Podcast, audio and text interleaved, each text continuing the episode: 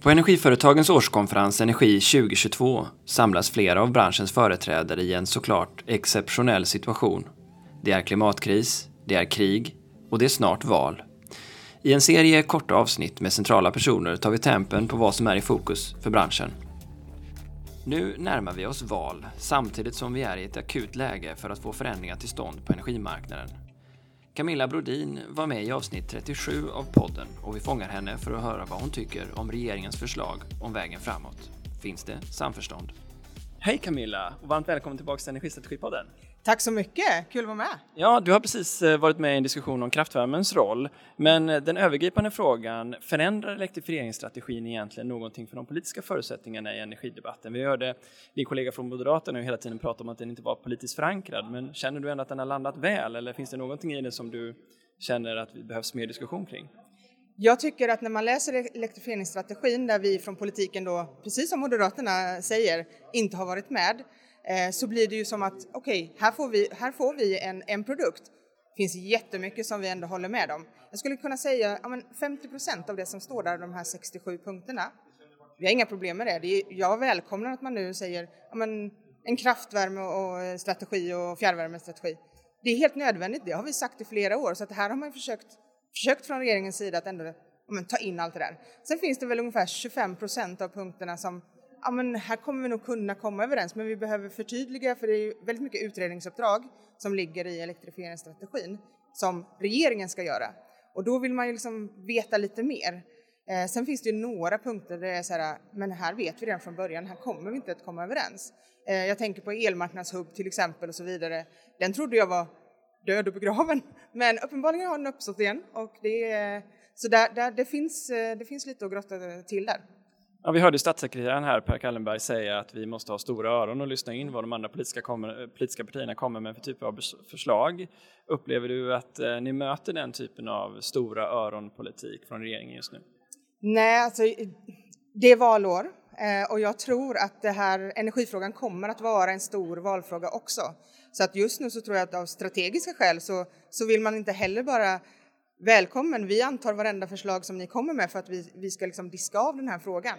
Utan här kommer vi att se, tror jag, i debatten, och jag hoppas att den inte bara kommer handla om liksom vindkraft versus liksom kärnkraft, för det är så mycket mer. Vi kommer att behöva mer av allt om vi ska liksom kunna klara av det här. Men då är det det grundläggande målet. Är man beredd att diskutera energimålet, då är jag välkommen om vilken dag i veckan som helst.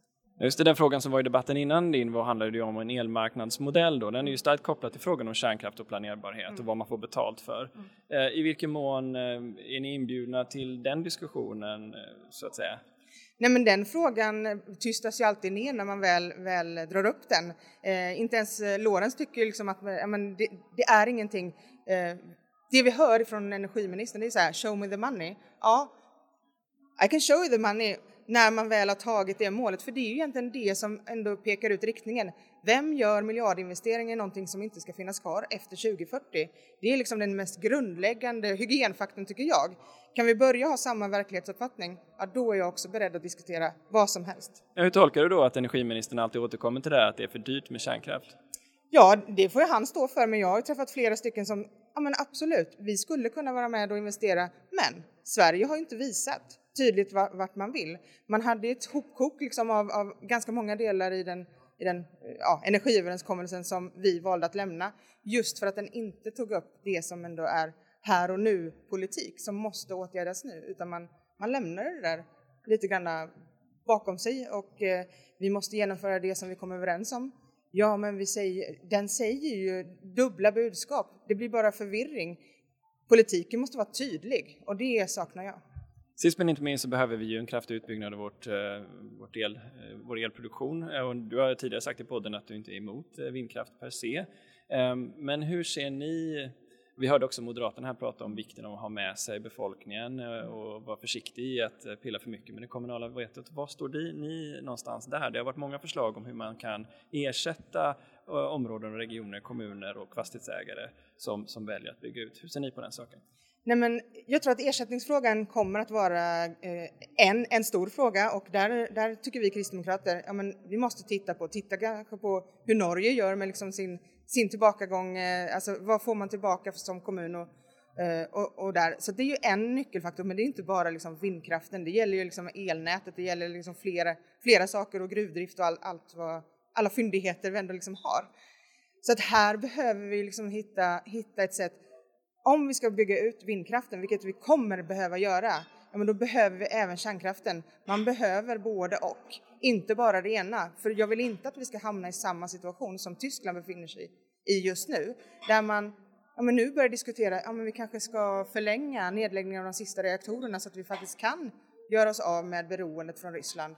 Man har ju satt sig själva i den här klon, vilket också då spiller över på, över på södra Sverige framför allt när vi tittar på, på prisnivåerna.